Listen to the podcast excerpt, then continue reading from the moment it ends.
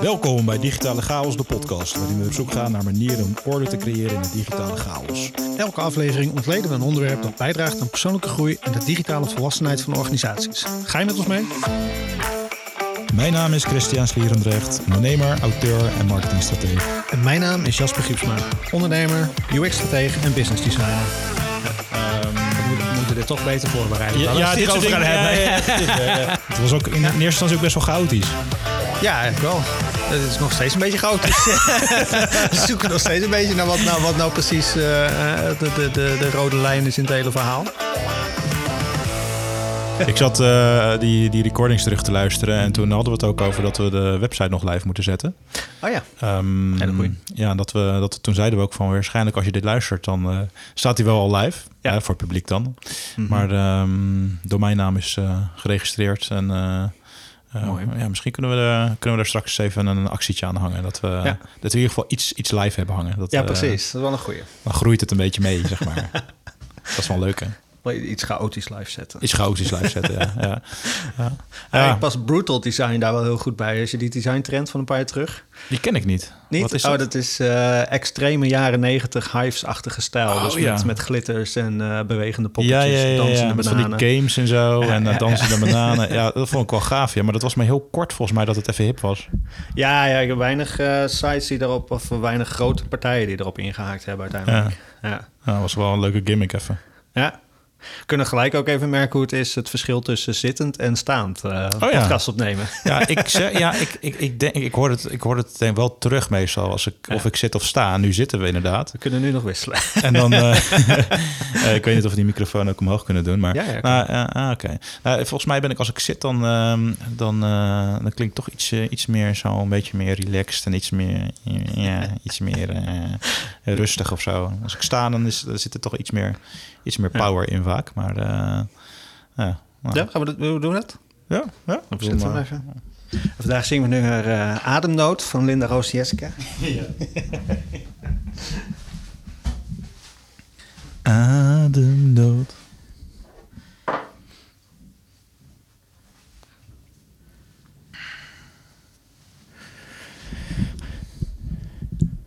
Zo. Klink je ineens, klink je ineens actief? Echt zoveel actiever dit, hè, toch? wow, Echt, schreeuwen in die microfoon. Lekker, hoor. Ik zie, het wel, ik zie het wel aan de geluidsschool Ja. op de opname. Ja, mooi. Nou, goede move. Goede move. Goeie move. Maar zullen we dan eh, maar meteen de diepte ingaan? Deze keer? Ja, Ja? kik hem maar af. Ja, is goed. Eh, even kijken of ik een leuke vraag kan bedenken. Ehm, vind jij jezelf een perf- perfectionist? Absoluut. Ja? Ja. En Ik, waar, eh, waar, komt dat, waar zie je dat in terug bij jezelf? Ehm, ja, ja, was ik dat in terug? Eigenlijk, maar, maar, al, al jarenlang dat ik, ik ben best wel kritisch op dingen. En ehm, ik heb heel veel moeite om dingen als af te, af te vinken, zeg maar. Mhm. Dus eh, bij mij is het altijd eigenlijk eh, dingen maken en dan die week erop eh, weer totaal anders maken. En dan die week daarop weer helemaal anders maken. Dus ja, eigenlijk mijn hele leven al wel dat ik perfectionist ben. Ja. Ja. Heb je, heb je, ervaar je daar ook last van? Of vind je het juist wel prettig? Nou ja, ja mee leren omgaan, denk ik. Ja? ik merk wel, ik merk eh, de laatste jaren dat ik er wat bewuster eh, afstand van kan nemen. Dus dat ik wat bewuster kan zeggen van oké, nu merk ik bij mezelf, ik ben perfectionistisch. Dus Mhm. nou stop ik ermee of nou ga ik, eh, ga ik het anders doen. Eh, het heeft misschien ook wel relatie met wat ik op mijn arm heb laten zetten. Want ik heb een, eh, tatoeage waar in het Grieks staat eh, alles stroomt. Van Griekse filosoof Heraclitus. Mhm. En eh, staat eigenlijk voor de filosofie: verandering is de enige constante. En daar geloof ik best wel in. Dingen veranderen altijd. En dus ja, in dat opzicht heb ik een beetje geaccepteerd van ja, dingen zijn altijd continu in staat van verandering. Dus Mhm. op een gegeven moment moet je gewoon eens zeggen van het, het is nu zoals het is. En de volgende keer is het weer, wellicht weer anders. Ja, Dus, eh, mooi. Wel een mooie, mooie trigger voor jezelf. Is er dan nog, eh, is er nog een moment geweest dat je dat bewust op je arm hebt eh, gezet? Is daar een specia- speciale trigger voor geweest? Of is het meer een soort reminder voor jezelf? Nou ja, in het verleden is er een relatie overgegaan. En dat gaat natuurlijk bij jezelf te raden. Ik heb in het verleden eh, een, moment gehad waarin ik eigenlijk voor mezelf een soort van plek had waar ik me ging settelen en een, soort toekomst voor mezelf had neergezet. En dat kreeg een abrupt einde. En toen had ik zoiets van ja, ja, en nu? En toen had ik eigenlijk vrij snel uh, kwam ik op die filosofie uit. Ik was ook veel aan het lezen over filosofie en verandering en dat soort zaken. En uh, toen, toen ben ik op die filosofie gekomen van, uh, de, van verandering en ook de vraag wat is verandering. Daar ben ik ook tijden mee bezig geweest. En um, toen ja, kreeg ik het idee om dat te tatoeëren. En toen heb ik nog wel een half jaar gewacht. Of eigenlijk mezelf een half jaar de tijd gegeven van... goh, ik ben perfectionist. Dus laat ik dat design wat ik nu gemaakt heb... nou eens eventjes uh, sudderen. En als ik over een half jaar nog steeds overtuigd ben... dat ik dat um, uh, nodig heb... En toen kwam ik uh, pas een jaar later eigenlijk uh, met iemand in contact die zei: Ik wil het wel voor je zetten. Mm -hmm. En uh, ja, toen maar gaan doen. Gaaf man, gaaf man. Dan kijk je er nog elke dag naar? Uh, ja, valt wel steeds minder op. Uh, het is minder bewust, laat ik zo zeggen. Maar af en toe wel zo'n moment dat je even denkt... oh ja, wacht, er staat wat en het betekent wat. Ja, ja. ja en dat, daar ben ik wel benieuwd naar. Zeg maar, zeg maar, heeft dat op de lange termijn dan bepaalde dingen veranderd... in je patronen of in je gewoontes of in je mindset? Um, Als je het hebt over perfectionisme dan, om hem even... Ja, ja precies. ja, nee, uh, ja, denk wel. Uh, het, het, is toch iets wat je elke dag ziet. Ik heb een bewuste tekst dat naar mij toe. Uh, dat is dan een bewuste keuze. Ik denk, het is, het is ook iets voor mezelf. Het is niet iets wat ik voor anderen doe of iets. Mm -hmm. Maar, um, dus het is af en toe wel een reminder van... ja, de, de wereld verandert constant. De, de, de, de context verandert constant. Dus um, ja, af en toe ook als een reminder van... goh, laat dingen nu even los of laat het zoals het is of, mm -hmm. of laat dingen um, uh, zijn gang gaan. Ja. En uh, dus ook inderdaad bewust zeggen van uh, nu is iets klaar. Ja. Ik wil niet zeggen af, maar het is klaar om er nu aan te werken en je gaat naar een volgende stap. Ja, ja. Mooi man. Ja, Ik, dus als ik het naar mezelf kijk, ben ik, ik ben in de kern ook eigenlijk wel een perfectionist, zeg maar. Mm -hmm. Misschien deels wel door wat je mee hebt gekregen uit opvoeding, onderwijs, heeft het zich best wel gevormd. Um, en ik denk dat we ook, zeg maar, toen wij naar school gingen, het is wel een beetje aan het veranderen nu, maar tot de kern van het onderwijs gaat nog steeds gewoon over uh, drang naar perfectie. Dus ja. Uh, ja, iets is ja. goed of fout, of uh, een bepaalde som die je maakt moet een bepaalde uitkomst hebben, anders is het fout. Ja. En um, dus je wordt best wel getraind op perfectie of zo. Ook als je, als je gaat werken of de corporate wereld ingaat of voor baas gaat werken, dan uh, word je gewoon afgerekend uh, op je, uh, ja, in je, in je beoordelingscyclus. Ja. Of je bepaalde boxen afcheckt, of weet je wel. Maar um, bij, bij mij is het wel geweest dat ik toen ik ondernemer werd, dat ik best wel een perfectiedrang had. En, ja. en dat me dat ook tegenwerkte. Dus ik heb in de eerste paar jaar ook gewoon wel bewust gewerkt aan het meer loslaten van die perfectiedrang. Dus um, ja. Hoe, voor, hoe ja. uitte dat bij jou? Wat ja, ja, om, ja, om een voorbeeld te noemen. Kijk, ik ben begonnen als, uh, eigenlijk als blogger. Als, uh, mm -hmm. uh, toen ik online ging ondernemen. En ik publiceerde superveel, maar ik deed het niet onder eigen naam. Dat vond ik nog een beetje eng, okay. zeg maar. Je had een pseudoniem op dat moment? Of ja, pseudoniem of gewoon publiceren onder een algemene username of weet je wel. Ah, ja. um, maar ja, dat, dat blokkeerde eigenlijk wel heel erg mijn eigen ontwikkelpad. Want ik had superveel geschreven, ook gewoon dingen die ik leerde of oppikte. En dan publiceerde ik dat mm. niet. Um, ja, en daar onthield ik mezelf wel een enorme en leerkans mee. En ook gewoon een kans om bereik te creëren online. Ja. Dus ik heb op een gegeven moment maar een, een blogartikel over dat onderwerp geschreven. Uh, dat was in 2015. Mm -hmm. uh, met de titel De Perfectie van Imperfectie. Dus dan heb ik daar een, een artikel over geschreven. Ja. Dus dat is al, ja, dat is al een jaar of zes geleden. Uh, toen heb ik dat online geplaatst. En dat was voor mij eigenlijk gewoon... oké, het is nu oud in die open. Uh, ja, weet je, ik, ik, ik, publiceer gewoon. En als het niet perfect is, dan is dat prima. Want dan is het er. En dan wordt het geïndexeerd door zoekmachines. Ja. Dan kunnen mensen uh, die iets mee doen of niet, niet iets mee doen. Um, misschien leer je er iets van, misschien niet. um, maar als ik dan feedback krijg van mensen met... oké, okay, dus, er staan bepaalde typo's in of zo... ja, maakt mij niet meer zoveel uit, want ik heb het losgelaten. En dat is ja. een beetje ook wel herkenbaar hoe jij dat aangeeft. Het gaat ook vaak wel een stukje loslaten van uh, continu bezig blijven voordat het helemaal af is of zo. Ja. Uh, en dat zie ik eigenlijk ook wel terug in, uh, in werk met wat we met klanten doen. Dus um, wat je net ook, ook mooi omschrijft, zeg maar, die veranderende wereld en, en de vloeibaarheid. Ja, daar kan je eigenlijk alleen maar in meebewegen of een soort van op, op, op, op, op surfen op die golf op het moment dat je niet continu streeft naar perfectie. Ja. Want dan blijf je soort van hangen in, in, je, in, je, in, je, in je drang naar perfectie en dan stokt een proces. Ja. Dus uh, dat, uh, ja, die vind ik wel heel erg herkenbaar eigenlijk. Ja. Ehm, en, soms, en, soms, eh, en soms is dat ook gewoon wel iets wat je... ehm, ik weet niet hoe jullie het ervaren, maar eh, wat je bijvoorbeeld ook op klanten over, eh, over wilt brengen. Ja. Eh, sommige klanten zijn niet gewend om wat meer experimenteel te werken of misschien wat meer kortcyclisch of zo. Ja, Ehm, nou, het is wel, wel grappig. Bij mij zijn er al bewuste momenten in het verleden ook geweest... waarin je er tegenaan loopt hoe ehm, je eigen perfectie... en de, en, en, en de, de, zeg maar de externe wereld tegen dingen aankijkt. We hadden bijvoorbeeld in de begintijd van Daily Creations... we zijn ooit begonnen, of ja, tenminste met de ambitie... om een, eh, meer een brandingbureau te worden. We hebben natuurlijk veel huisstijlen gedaan en, eh, en, en eh, dat soort zaken ook vanuit onze vorige bedrijven. En ehm, wij hadden altijd, er was altijd zo'n zo'n punt, zeker in die eerste voorstellen die we maakten, dan maakte je.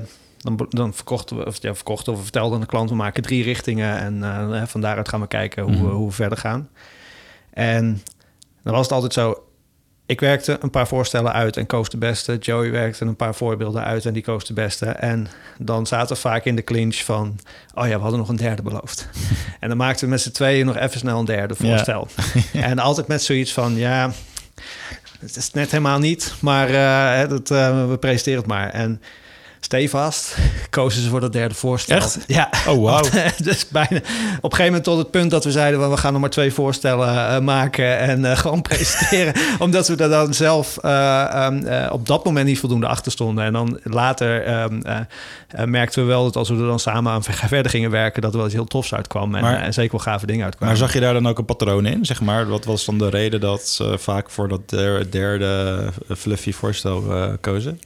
Ja, dat, dat, is, dat is lastig op zeggen. Ja, het is aan de ene kant, ehm, eh, denk ik, ehm, van de oorsprong waar, waar Joey en ik eigenlijk door zijn gaan samenwerken, is dat wij een eh, eerste opdracht met z'n tweeën gedaan hebben en merkten hoe we met elkaar ehm, onze eigen voorstellen veel beter werden. Mhm. Eigenlijk gewoon door het feit dat je iemand hebt om mee te sparren, iemand die even kritisch meekijkt, iemand die even zegt van, goh, zou je die kant op gaan? En dat is niet altijd even leuk als je gewend bent alleen te werken. Ja. Dat iemand zegt van, goh, zou je dat lettertype nou wel gebruiken? Of eh, zet dit even daar naartoe of wat dan ook. En ehm, eh, ja, ik denk toch eh, wat wij op een gegeven moment echt omarmd hebben... en ook echt in onze, in onze kern van bedrijf hebben doorgeweven... is gewoon co-creatie. Dus gewoon Mhm. met elkaar iets maken is veel krachtiger dan in je eentje jezelf opsluiten... en super overtuigd zijn van, van hoe mooi dit wel niet Ja. is. En er dan achter komen dat de rest van de wereld er anders tegenaan kijkt. Ja, en Het, ik, ik, het is ook wel herkenbaar, want de traditionele uh, aanvliegroute die veel ontwerpers volgens mij gebruiken, is gewoon, eh, ook als je bijvoorbeeld kijkt naar logo's of boekcovers, wat dan ook, gewoon een hele set maken aan, aan, aan variaties. Ja. Maar eigenlijk stiekem zelf een favoriet hebben. Ja. En dan de andere variaties daardoor vaak gewoon wat minder aantrekkelijk maken. Mhm. Eh, eh, zodat zodat een, een opdrachtgever wat meer richting de goede keuze wordt geduwd. Maar dat is eigenlijk een hele rare, heel rare aanpak. Ja, ik Ehm, denk ook een eh, beetje onbewust. Want je hebt toch als ontwerper altijd wel zo'n eigen favoriet of zo'n Ja. eigen ding waarvan je zegt van nou, dat is misschien ook wel met schrijven of, of met, met andere zaken. Dat je toch wel altijd zo'n punt hebt waarop je denkt van ja, dit is het, dit, dit is het goede, dit is perfect. En dan het andere trekt dan ook wat minder energie. Of dat, dat, of dat, of dat, dat, dat, dat creëert wat minder energie om eraan te werken of wat Ja. minder creativiteit. En dat is natuurlijk dan wel ehm, misschien onbewust creëerde daardoor ook dat je daar wat minder aandacht aan besteedt. Mhm. Of dat iets net even wat minder perfect is dan die ander. Ja. Hey, kan, kan, hij kan, je, kan, je, kan, je, kan je kort iets vertellen over hoe, ehm, eh, hoe jullie die co-creatie dan aanvliegen met, eh, met klanten? Want je begint zeg maar dan eigenlijk met een, met een blanco canvas. Ehm, ja nee, kijk, kijk we, zijn, we zijn op een gegeven moment op het pad gekomen van... eh, of nou, eigenlijk aan het begin, begin al van Daily Creation... voordat we inschreven bij de KVK... waar we heel erg aan het kijken van... Nou, hoe gaan we nou zorgen dat we dingen maken... wat niet alleen mooie plaatjes zijn. Dus waar Mhm. gewoon meer betekenis achter zit... waar gewoon veel meer eh, gevoel achter zit ook. En wij rolden heel erg in het eh, proces van design thinking en service design. En daarin heb je een bepaald proces waarin je gewoon zegt van je doet eerst een stukje onderzoek. Hè, hoe klein dat ook is of, Mhm. hoe compact je dat ook maakt. Je, je begint eerst met erover na te denken. En vervolgens ga je daarop concepten en ga je daarop ontwikkelen en daarop itereren eigenlijk. En door die aanpak op een gegeven moment te gaan omarmen, hebben we wel gemerkt dat je ehm, ja, voor ons in co-creatie, dus echt samen met elkaar dingen te maken en ook gewoon veel eerder dingen te delen, ook met klanten, Veel eerder ook al beginnen bij schetsen, beginnen Mhm. bij halfproducten met, met, met een richtingje of een. Of een, of een, of een eh, als je het nu hebt over, over de designs die we maken met de wireframes. Kijk, eh, klanten kunnen bij ons real-time meekijken in onze bestanden. Mhm. En dat triggert alleen maar dat mensen, als zij behoefte hebben om even mee te denken, dat ze dat kunnen. En ze kunnen daar feedback achterlaten, ze kunnen daarmee aan de slag, ze kunnen nieuwe dingen, nieuwe ideeën aanbrengen die je weer triggert. En ja, voor ons is dat gewoon een, een, een, een ehm, essentieel ingrediënt geworden van ons Ja. creatief proces. En Ja. ook helemaal overbodig gemaakt om bijvoorbeeld meerdere designvoorstellen te maken. Want bij ons evalueren designs in het proces met onze klanten. En iedereen is op elk moment van de dag betrokken. Dus er is bij iedereen die ownership. En ik denk dat dat misschien wel een dingetje is voor een designer. Heb je natuurlijk over je design. Als je het helemaal in je eentje maakt, heb je heel veel ownership. Mhm. En die ownership moet je dan zien over te dragen naar je klant. Ja. Ja, daar kan best wel wat energie of moeite in zitten. Terwijl als je veel eerder zo'n klant betrekt of veel eerder mensen betrekt in je proces, ja, dan deel je die ownership ook met iedereen die erin meedenkt. Ja, ik vind hem ook nog wel interessant, want eigenlijk kan, kijk, iedereen heeft denk ik een bepaalde mate van perfectionisme. Zeg maar, bij sommigen ligt dat wat hoger en bij sommigen wat lager. En sommigen zitten er een beetje tussenin. Een beetje als je ze, laten we dat je, je basislevel van perfectionisme eh, noemen. Maar het is altijd iets heel persoonlijks of zo. Dus Ja. ehm, eh, eh, denk jij dat op, op het moment dat je meer gaat co-creëren, dat het makkelijker wordt om dat level van perfectionisme iets te temperen, omdat je samen die creatie deelt? Of hoe, kijk jij daarnaar? Ehm, nou ja, kijk, eh, eh, in de praktijk zien we dat, zien we dat vaak live gebeuren bij stagiairs. En als wij met nieuwe mensen werken, als wij nieuwe mensen aannemen, je merkt dat je in het begin mensen zijn, vinden het ook eng om je creatief proces te delen. Mhm. en je schetsen te delen. Of, of als je even wat aan het uitproberen bent, dat mensen dat zouden kunnen zien. Ehm, maar we hebben ook al gemerkt in het verleden dat heel veel ehm per ongelukken momentjes en, en dingen waarvan je denkt als designer van nou even proberen, oh, dat werkt niet, ik ga even iets anders doen. Dat juist die experimentjes eh, andere mensen weer kunnen triggeren. Mhm. Dus als, nu even in het verleden, Joey en ik werkten allebei aan, een pro- aan hetzelfde project. En eh, ik keek even mee over zijn schouder en ik zie hem ineens iets verplaatsen. En dat ziet er niet uit, het werkt niet, het, het gaat eh, totaal de verkeerde kant op bij wijze van spreken. Maar toch triggert het bij mij iets waarvan ik denk van ja, maar als we het dan Mhm. zo doen, dan werkt Ja. het wel. En ja, dat zijn van die momenten waarvan ik denk van ja, dat, dat zijn wel momenten waarin je merkt, samen gaat het, eh, maak je dingen veel beter. En uiteindelijk is het dan de kunst om bij elkaar te accepteren dat dat soort momenten ontstaan. Want Mhm. ja, dat gaat, het gaat, soms is dat gewoon ook een beetje hard tegen hard. Ja. Iemand heeft een heel andere visie dan, eh, dan de ander. Ja. Ehm, en sommige mensen, soms in het begin ben je totaal niet gewend om dingen te delen, dus is dat ook heel onzeker. En ehm, dat is denk ik een van de grootste triggers ook wel achter, achter perfectionisme. Is natuurlijk een stukje onzekerheid. Van, Ja. ja. eh, eh, wat vinden mensen hiervan? Of, Ja. of ja, die externe validatie die je dan hebt, of die, of die externe triggers die je krijgt. Ik denk dat je daar eh, op een gegeven moment echt wel bewust overheen moet zetten en dan zeggen van oké, hè, dit helpt het proces juist, of dit helpt Ja. het product juist. Ja, het is wel grappig, want we zaten ook in de voorbespreking, hadden we het ook al even over dat, ja, maar ook het proces van het opnemen van deze podcast. Dus ik zat eh, gisteren even een beetje wat eh, ruwe oude opnames na te luisteren. En juist het, het, het leuke, het meest leuke vond ik eigenlijk ook dat het gewoon, je, je, ja, je hoorde ook gewoon, oké, we zijn een beetje aan het zoeken, een beetje aan het stuntelen aan het begin. Ja. Eh, terwijl wij allebei ook al zoiets hadden van, van tevoren. Van oké, voordat we de eerste opname gingen doen. Ja, eigenlijk oh, we willen het wel perfect maken en mooi maken. En eh, nadenken over een structuurtje en zo. Ehm, eh, maar als ik het dan, dan terugluister, dan, ja, dan, dan vind ik het eigenlijk gewoon grappig om, om, om, om te horen dat het niet perfect is. Ja. Ehm, eh, eh, en dan, ehm, eh, dat maakt het ook echter of zo. Ja. En wat ik zelf ook wel heb ervaren met co-creatie, dus zowel met het maken van podcasts als het schrijven, co- co-schrijven van Mhm. artikelen. Ehm, daar herken ik ook die invalshoek die jij net beschrijft in, in, in, eh, in design. Eh, dat je dus met twee brillen naar een onderwerp kan kijken en daardoor een stukje meer diepte of rij- rijkheid in een, in, een, ehm, eh, in een productie kan krijgen. Dus of het een audio, tekst of wat dan ook is. Ehm, en uh, wat ik ook heel erg herken, hè, wat je zegt van uh, eigenlijk wordt het gevoed, uh, perfectie wordt gevoed door onzekerheid. Ja.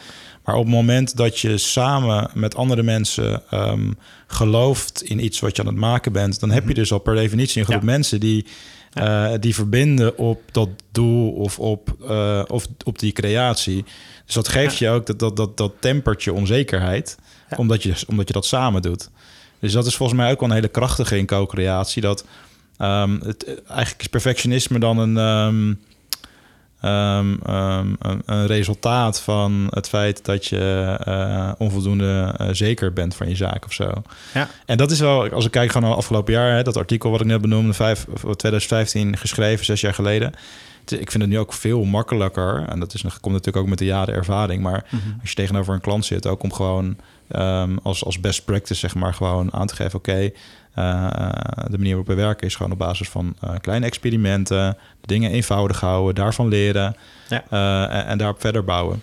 Um, en dat is een heel andere benadering dan hoe ik het heb geleerd in, in mijn studies, want dat ging gewoon over dikke plannen schrijven. Ja. Um, en op basis daarvan dan uh, dingetjes gaan afvinken en uh, bepalen of iets wel of niet goed gedaan is. Um, uh, dus ja, ik, bij mezelf is dat wel, uh, brengt dat gewoon veel meer. Zeg maar, ja. uh, nog even terug naar, naar je tatoeage van, dit ging ook over meegaan met de stroom. Ja. ik, merk, ik merk bij mezelf dat loslaten van perfectionisme, dat zorgt ervoor dat je eerder in flow kan komen en dat ook ja. vast kan houden. Ja. Ja, het is grappig dat je zegt dat tijdens de opleiding zo'n drang is naar, naar, uh, naar die perfectie. Want uh, juist in mijn opleiding is het proces begonnen om dat los te laten. Ja. Want ik heb uh, een opleiding gedaan waarbij competentiegericht onderwijs eigenlijk de, de, de hoofdmoot was. En um, ik heb daar in de hoofdfase krijg je gewoon een map met twaalf competenties. En elke competentie heeft een aantal beroepshandelingen, dus een praktijkslag zeg maar met de mededeling: uh, hier moet je de drie van aantonen op middenniveau, één op hoog niveau mm -hmm. en uh, succes ermee. Dat was destijds um, even, even heel gechargeerd, zeg maar, de, de boodschap die je meekreeg. En um, uh, ja, wij moesten gewoon op zoek naar opdrachten bij, bij, bij bedrijven. En dat begint natuurlijk in je netwerk en bij je kenniskring en dat soort zaken. En gewoon maar um, uh, situaties op gaan zoeken waarop jij competenties kon aantonen. En die moest je dan onderbouwen met, uh, met een STAR-methodiek. Dus eigenlijk uitschrijven van, goh, wat heb je gedaan? En met, met bepaalde literatuur. Waar staat dat voor, STAR? Uh, STAR is situatie, taak, actie of activiteiten en resultaat. Mhm. Mm -hmm. En um, reflectie als je de dubbel R gebruikt. Um, maar eigenlijk is het een, een, een soort stramien om een ja, praktijksituatie uit te schrijven of uit, uit te werken. Wordt ook vaak in interviews gebruikt of in, noem je dat, um, job interviews, mm -hmm. sollicitaties. Ja, dat. ja. maar eigenlijk wat daar de strekking was, is als jij... Um, je moet kwalitatieve literatuur zoeken, je moet kwalitatieve tools en methodes gebruiken. Je moet zorgen dat je kan bewijzen dat je aan een bepaalde competentie gewerkt hebt. Maar het gaf geen drang op dat een uh, marketingplan moest slagen. Of Ja. dat een financieel plan Mhm. um, uh, per, ve- eh, per se ging werken of, of, of een ge- het, werd niet, het werd niet gestuurd op impact. Nee, er werd niet gestuurd op of het eindresultaat positief was. Mhm. je, kon, het, je project kon helemaal gefaald zijn. Maar als je kon vertalen welke les je eruit geleerd hebt... en wat je de volgende keer beter ging doen... ehm, kon je alsnog gewoon voldoende halen voor Ja. alle competenties. En ik denk dat dat voor mij, dat mis ik nog zo erg in het onderwijs... is die ehm, eh, skillsbenadering en ook het actief werken aan, aan bijvoorbeeld ehm, eh, perfectionisme... eh, Mhm. en, en, en dat soort, dat soort mindset.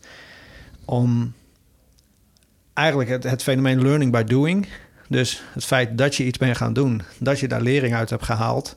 En dat het eindresultaat misschien niet zo positief was als je dacht, of, of een andere impact heeft gehad. Mhm.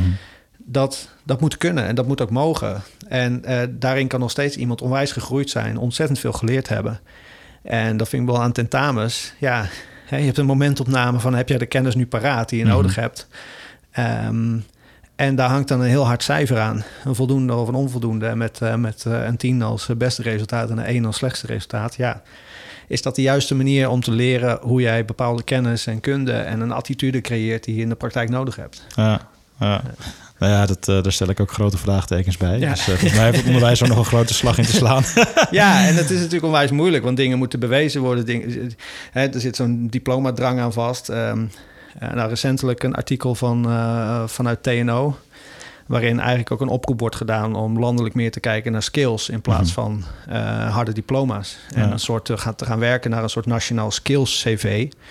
Nou, dat vind ik dat is natuurlijk geweldig als je daarmee aan de slag kan. Want het is ook waar wij nu met ons bedrijf mee bezig zijn. Ik wil niet allemaal uh, allemaal rollen en allemaal vastgestelde functies. Van ja, je hebt deze functie en dit zijn jouw taken en dit mag je wel en dit mhm. mag je niet. Nee, ik wil er naartoe dat iemand een UX-designer is en voelt dat hij met, de, met juiste pakket aan competenties kan werken aan projecten. En ja, de ene heeft wat meer op visueel design, de andere wat meer op onderzoek. Maar het gaat mij meer om, heeft iemand de skills die wij nodig hebben op dat moment en hebben we als bedrijf de totale hoeveelheid skills en competenties om onze klanten zo goed mogelijk te helpen. Ja. En dan gaat het er niet om of iemand een diploma heeft of of iemand het zelf geleerd heeft. Ik heb zelf ook geen UX-diploma. Ik heb het ook allemaal zelf geleerd. Maar dat wil niet zeggen dat je dan per se slechter bent of, of beter bent dan een ander. Ja, ja. ja. ja. Hey, en uh, als ik even um, terugpak naar um, de vraag waar we ook over, waar we eigenlijk ook over hebben gehad. Van mhm. hoe kom je, hoe kom je af van uh, blokkerende perfectiedrang? Dus uh, hoe kom je mhm. af van perfectiedrang die ervoor zorgt dat je persoonlijk of zakelijk minder snel groeit dan je zou willen. Dan heb ik er eigenlijk twee heb ik er al gehoord. Dus één is zet een tatoeage op je arm. Uh, twee is uh, schrijf een blogartikel erover en mhm. publiceer het en deel het met de buitenwereld. Dat zijn twee dingen die voor ons goed hebben gewerkt. Ja. Kunnen we nog een derde bedenken? Ja, ik vind het lastig als je dit, bij dit soort dingen, zeker bij iets als perfectionisme, het is iets wat je uh, wat, wat, in je zit, waarbij je zelf moet gaan merken of het jou tegenwerkt of dat het mm jou, jou op de juiste manier werkt. Begin met bewustzijn. Begin echt met bewustzijn. En daar zijn natuurlijk uh, ook weer uh, vele boeken over geschreven, maar het is iets als jij, waar jij nu voor, in de voorbespreking ook even over had, of dingen als journaling of mhm. een bepaalde manier van reflecteren op wat je gedaan hebt om te kijken van nou waar in bepaalde situaties van waar ging het goed of waar ging het minder goed. Ik denk dat dat gewoon essentiële zaken zijn om, om achter dit soort verbeterpunten te komen. Ja, dus, dat je, dus dat, je, dat je scherp hebt, oké, wat zijn de doelen waar ik naartoe werken? En dat je in een soort van korte journal bijhoudt van, oké, dit zijn momenten waarop ik uh, perfectiedrang had, wat mij blokkeert om toe te werken naar deze doelen. Dat vind ik wel een hele, hele mooie, inderdaad. Ja. En, en zelfs als ik ook nog denk, we hebben het ook over co-creatie gehad, dus dat kan volgens mij ook actief uh, inrichten. Ja. Bijvoorbeeld door, uh, door een accountability partner of door echt te co-creëren met, uh, met iemand anders. Waardoor je het eerder samen gaat doen en um, ja, dus misschien een stukje onzekerheid weg kan nemen. Ja, of een klankbord hebt, zeg maar. Dus dat klankbord is denk ik ook wel een krachtige. Ja, kijk, dus, dus, deze hele podcast die ook ontstaan. Hè? We zijn begonnen met uh, meer vanuit een accountability partner uh, uh, structuur. Gewoon elke twee weken afspreken om te kijken van heb jij je doelen bereikt die je wilde. Vaak erachter komen, oh ja, deze meeting was er ook. ja, en toen, en toen er was inderdaad de conclusie van dat we elke keer zoiets hadden, waarom hebben we geen, waarom hebben we geen recorder aangezet? Ja, want die had de podcast kunnen worden. Precies. dus dat is heel wel grappig hoe dat ontstaat. ja.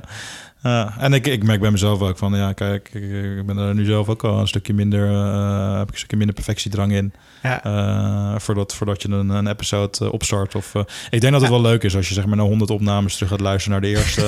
en dan ga je naar de honderdste luisteren.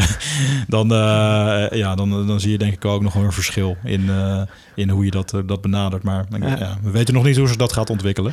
Nou ja, kijk, de, de, de, luisteraars zullen weten of we tegen deze tijd de eerste aflevering ooit online hebben gezet.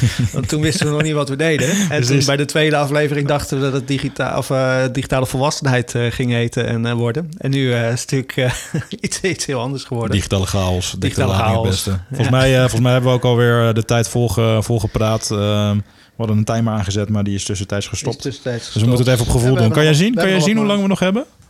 Ja, ongeveer zijn we er. ik oh, we zijn er ongeveer. Ja, dit, was gewoon, dit was gewoon puur op gevoel hoor. Dat ik dacht van, oh, we, moeten gaan afronden. Maar, uh... We mogen nog twee minuten vol praten als we ah, willen. Maar ik weet niet of je nog een brandende conclusie hebt of mooie... Uh. Um, nou, de conclusie eigenlijk dat, uh, dat we een paar praktische, paar praktische tips hebben... op het moment dat je we omgaan met je perfectiedrang. Hè. Dus even recap. Hebben we er vier, denk ik. Dus één is zet een tatoeage op je arm. Eh, eh, hoe, hoe spreek je hem uit trouwens? Eh, panterij. Ik weet niet of het de officiële Griekse uitspraak is, maar... eh, dat, misschien, eh, kunnen we, misschien kunnen we een fotootje de, bij de show notes zetten eh, voor, voor de luisteraars. Ehm, de tweede was schrijven een artikel, publiceren het en deelt met de buitenwereld. Ja. Ehm, de derde was zoeken... Reflecteren, of, eh, ja, eh, ja, eh, reflecteren en journalen is een hele krachtige. En de vierde, zoek een accountability partner of iemand waar je mee co-creëert. Dus dat Ja. zijn denk ik hele concrete dingen waar we mee eh, af, eh, af kunnen sluiten. Ja, tof. en eh, ja, mo- mocht, er, mocht je iemand, iemand kennen die echt, ja, die echt het, thema ehm, eh, perfectie slash imperfectie oont, die daar echt gewoon, ja, die dat leeft, zeg maar, of die dat doorleefd heeft en daar echt dingen mee heeft gedaan. Eh, geef het ons gerust als tip, want we zoeken ook nog eh, mensen die we daarover kunnen interviewen. Zeker. En heb je nog leuke onderwerpen voor eh podcasts of waar je ons over wil horen, dan eh, geef ze vooral aan. Mail ons, bel ons, benader ons. Digitalechaos.nl En tot later. It's a wrap. Hey, thanks, tot later. Ai, ai. Later.